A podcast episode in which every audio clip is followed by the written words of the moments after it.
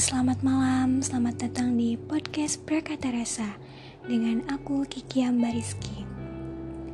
Finally, setelah sekian lama, akhirnya aku bisa rilis podcast yang kedua.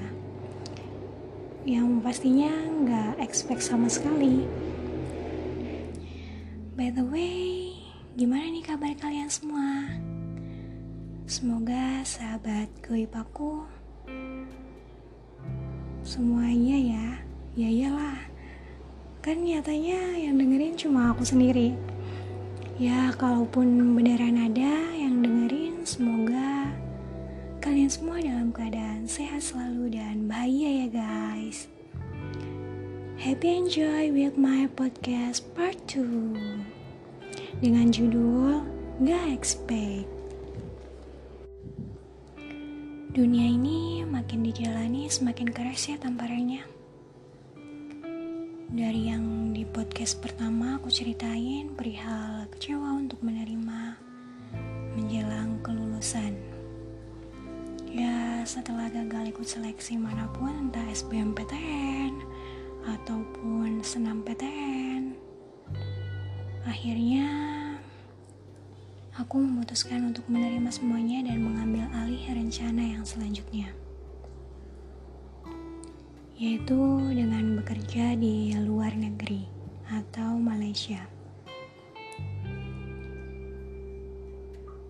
Ada kalimat yang bilang, kalau nggak salah di iklan ya, bahwa jika tidak bisa begini, maka bisa begitu. Alih-alih punya rencana setelahnya, namun kembali dipatahkan dan juga digagalkan oleh restu. Dan pada akhirnya berkembang biak dengan sulitnya di negara sendiri. Sudah susah, dipatahkan berkali-kali.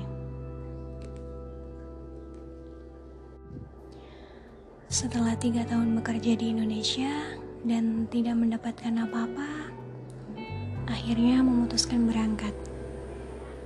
Dan benar berangkat, memaksakan diri walaupun tidak direstui. Karena merasa punya misi dan mimpi yang perlu dikejar dan diselesaikan, akhirnya dengan usaha yang memaksakan, restu itu ya didapatkan juga dari orang tua dan diberi kemudahan dalam skalanya.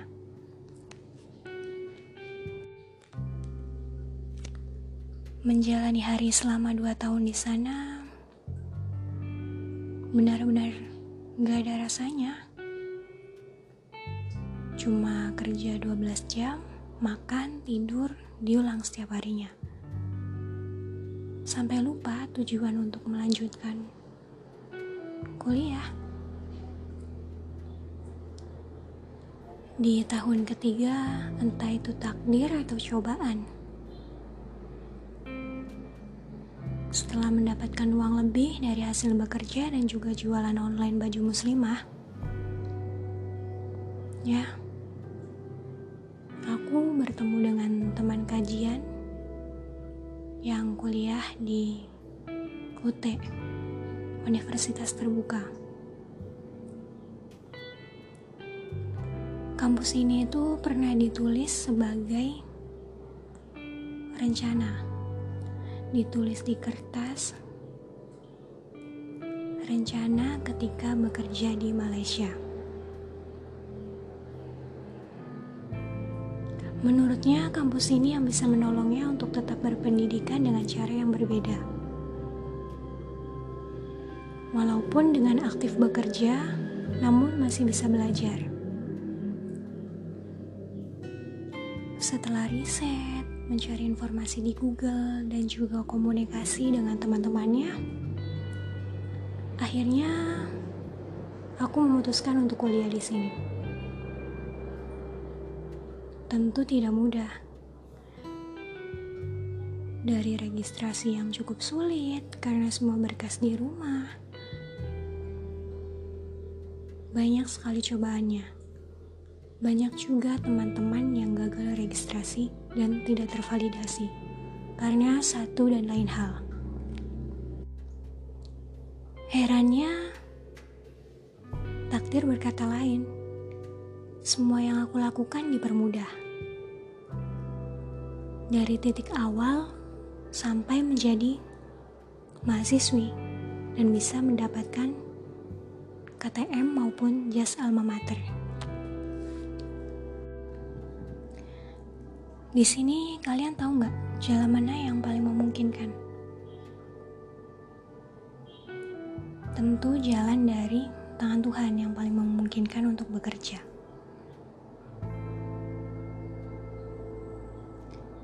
Teman-teman di sini sering nggak sih kayak tiba-tiba gitu dibantuin dari berbagai arah secara ya itu tiba-tiba pasti semua orang pernah mengalaminya nah semua yang aku lalui ini gak lepas dari tangan Tuhan yang bekerja dan semua doa paling menyakitkan sebelumnya yang pernah dibanjatkan berkali-kali.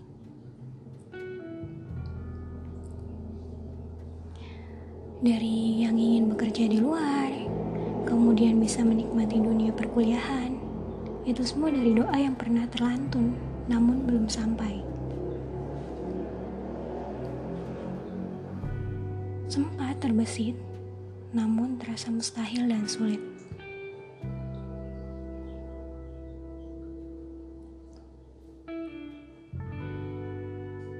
Ya, semuanya balik lagi perjalanan. Ini buat teman-teman semua. Jangan pernah nyerah kalau lagi berdoa. Jangan pernah nyerah kalau doanya belum terkabul. Mungkin bisa aja kita hari itu cuma singgah, tapi nggak sungguh. Tuhan selalu mencintai kita dengan caranya. Semakin kita dekat dan meminta, semakin kita dirindukannya.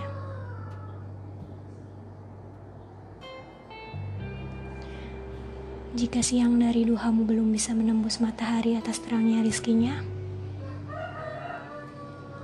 maka sepertiga malam akan membungkam dunia dengan segala kejutan yang diberikannya.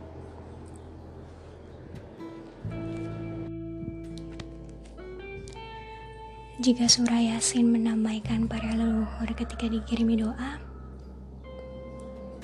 Al-Mulk sebagai penghantar tidur dan penghisap ketika di akhirat kelak. Maka Al-Waki Asubuh menjadi penolong ketika runtuh.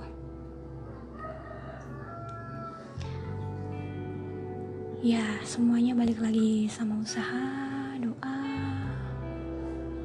Kedua itu tuh memang gak bisa dilepasin harus saling berkaitan, harus saling berdampingan.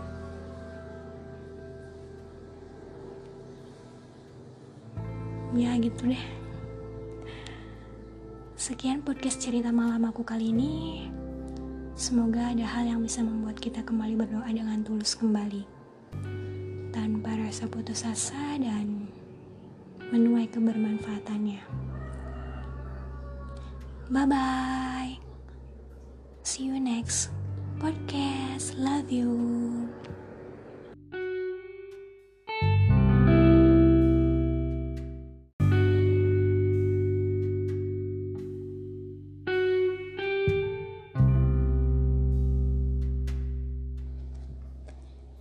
Hey, selamat malam, selamat datang di podcast Prakata Rasa dengan aku Kiki Ambariski.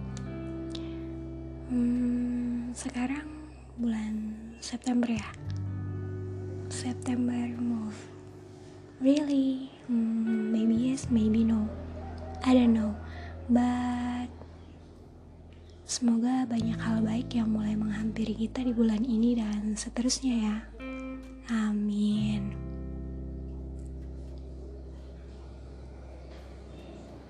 Wait, wait, wait, wait. Hmm, aku mau bahas apa ya? Sebenarnya banyak banget yang pengen dibahas. Tapi baru juga episode berapa? Tiga. Udah ngerasa buntu banget mau bahas apa karena saking banyak bangetnya ide. Cuma ide ini tuh kayak nggak relate. Hmm, bukan bukan bukan gak relate. Tapi kayak kurang nyambung sama cerita yang awal aku sampein. Jadi berasa kurang struktur. Nah malam ini aku mau bahas tentang culture shock. Sepertinya di sini tuh orang udah sangat familiar banget ya dengan kata culture shock tapi di sini aku mau sedikit ngasih tahu buat yang kurang paham dan mau cerita sedikit pengalaman perihal ini. Apa sih culture shock? Culture shock atau geger budaya merupakan istilah yang digunakan untuk menggambarkan perasaan seperti terkejut, gelisah, keliru, yang biasanya dirasakan apabila seseorang itu bersentuhan dengan kebudayaan yang berlainan sama sekali. Seperti ketika berada di negara asing.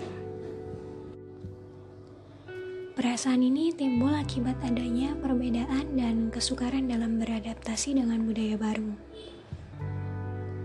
Geger budaya atau culture shock dapat mencangkup aspek yang ada di kehidupan sehari-hari, seperti makanan, cara berpakaian, harga barang, dan lain-lain. Semakin berbeda budayanya, semakin parah efek yang akan ditimbulkan.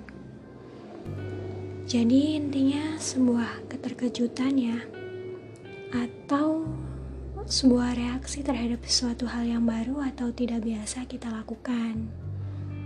Nah, jadi aku mau cerita pengalamanku ya.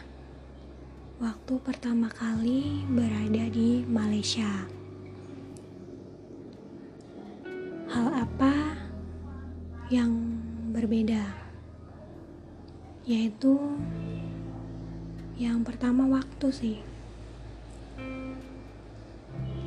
Beda waktu di sini sama di sana tuh beda sekitar satu jaman. Apalagi perbedaan waktu jam sholat itu waktunya jauh lebih mundur daripada Indonesia. Berdasarkan informasi yang didapat pada tahun 1982 itu ternyata terjadi penyemarataan atau persamaan jam untuk menyamakan jam di Borneo. Jadi satu Malaysia ini sama yaitu GMT plus 8 atau GMT ya, GMT plus 8. Kalau di Indonesia kan kita makainya kayak WIB, WIT, WITA. Waktu Indonesia bagian barat, waktu Indonesia bagian timur. Kayak gitulah. Nah, alasan lainnya dimajukan jam itu banyak. Ada juga karena alasan ekonomi. Seperti halnya dengan Singapura disamakan waktunya untuk memudahkan kerjasama antar negara. Yang jadi shocknya itu pas jam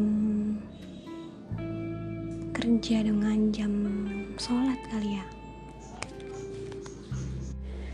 Nah, kejadian yang pernah aku rasain tuh pas jam sholat kayak subuh. Itu tuh subuh baru sekitaran setengah enam dan itu memang apa sih namanya ya? Uh, cuaca apa cuaca? Jadi kondisinya tuh emang masih gelap banget jam 6 kita juga berangkat kerja itu jam 8 dan jam 8 itu masih tergolong pagi. Kalau kita kan biasanya jam 6 ya hitungan berangkat kerja tuh. Kalau itu jam 8 jam 6 itu masih golongan subuh. Zuhur jam satuan. Kalau kita kan jam 12 ya. Itu sih. Kemudian yang selanjutnya itu bunyi klakson di sana tuh nggak ada yang namanya bunyi klakson. Bisa dihitung jari lah. Karena berdasarkan informasi klakson itu bisa mengakibatkan kegaduhan atau keributan lah. Jadi jarang banget yang namanya dengar bunyi klakson kemudian bahasa. Banyak ya bukan banyak sih emang mestinya juga memang beda. Karena kan bukan sama negaranya. Perbedaan bahasa yang ya tipis-tipis lah. Hampir sama. Kayak mobil itu disebutnya kereta. Terus jalan-jalan disebutnya cari angin kan aneh. Buat apa kita nyari angin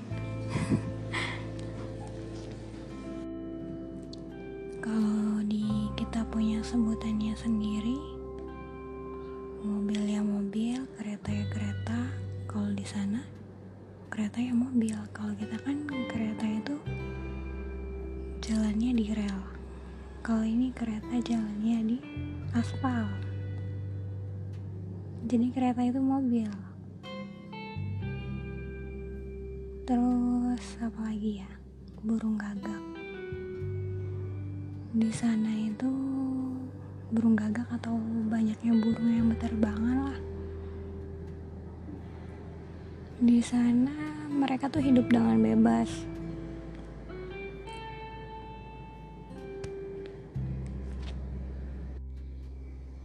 Burung itu salah satu hewan yang dilindungi dan ada undang-undangnya tidak boleh dibunuh ataupun dipelihara.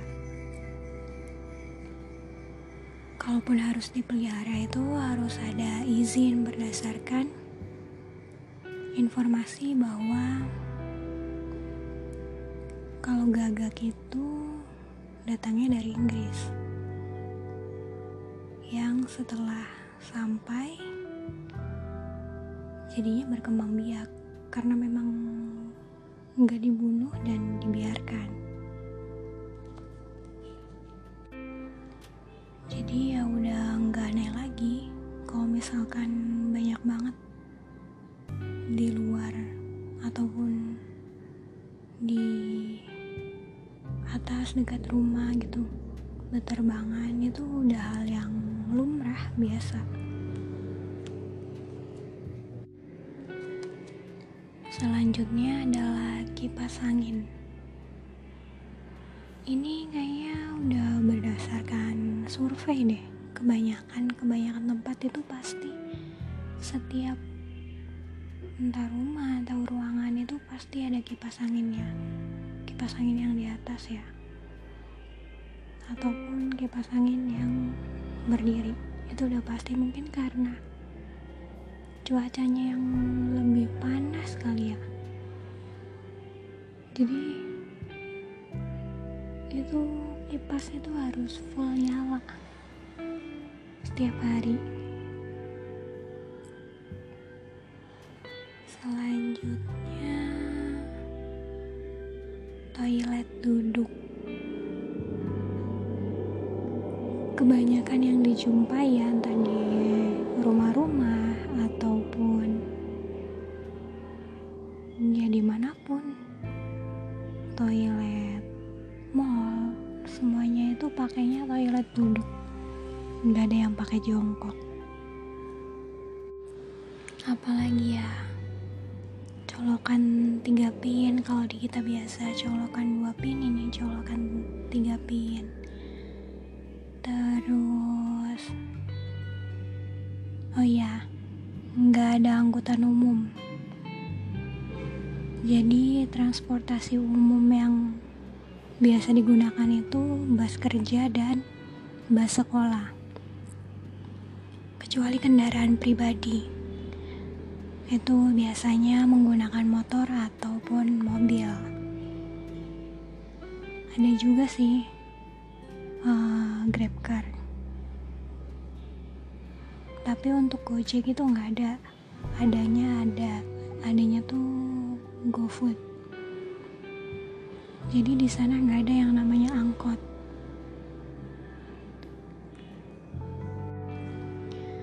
Selanjutnya, laki-laki yang menggunakan goodie bag. Biasanya kalau yang menggunakan goodie bag itu perempuan kan. Bisa kehitung lah jarang gitu yang pakai goodie bag laki-laki. Kalau di sana tuh ya udah terbiasa mayoritas dan gak ada hal yang aneh biasa aja dianggapnya terus apa lagi ya sampah sampah tuh nggak berserakan bersih nggak buang sampah sembarangan. Orang gila atau pengemis tuh nggak ada. Di sepanjang jalan tuh bersih nggak ada apa-apa.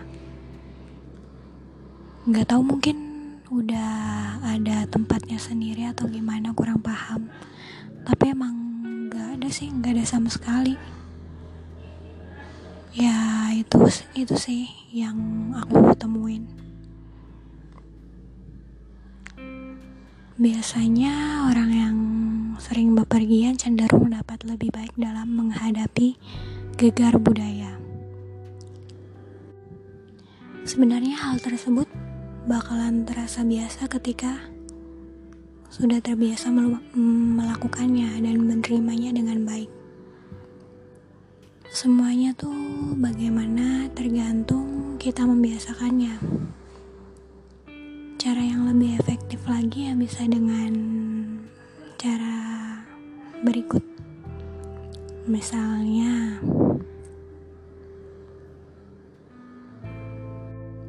mencari tahu mengenai negara dan budaya yang ada di negara tersebut. Nah, dengan cara ini tuh kita akan dapat lebih memahami perbedaan dan bisa mentolerir perbedaan tersebut. Kemudian berpikir terbuka mengenai budaya yang didatangi.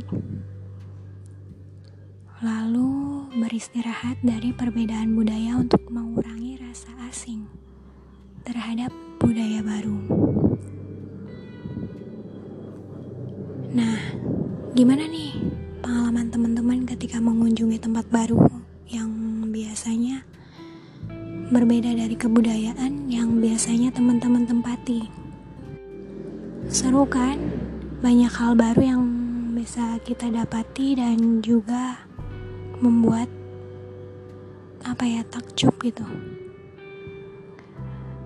Semoga apa yang disampaikan tadi bisa cukup menghibur dan memberikan manfaat ya. See you next podcast. Bye bye. Love you.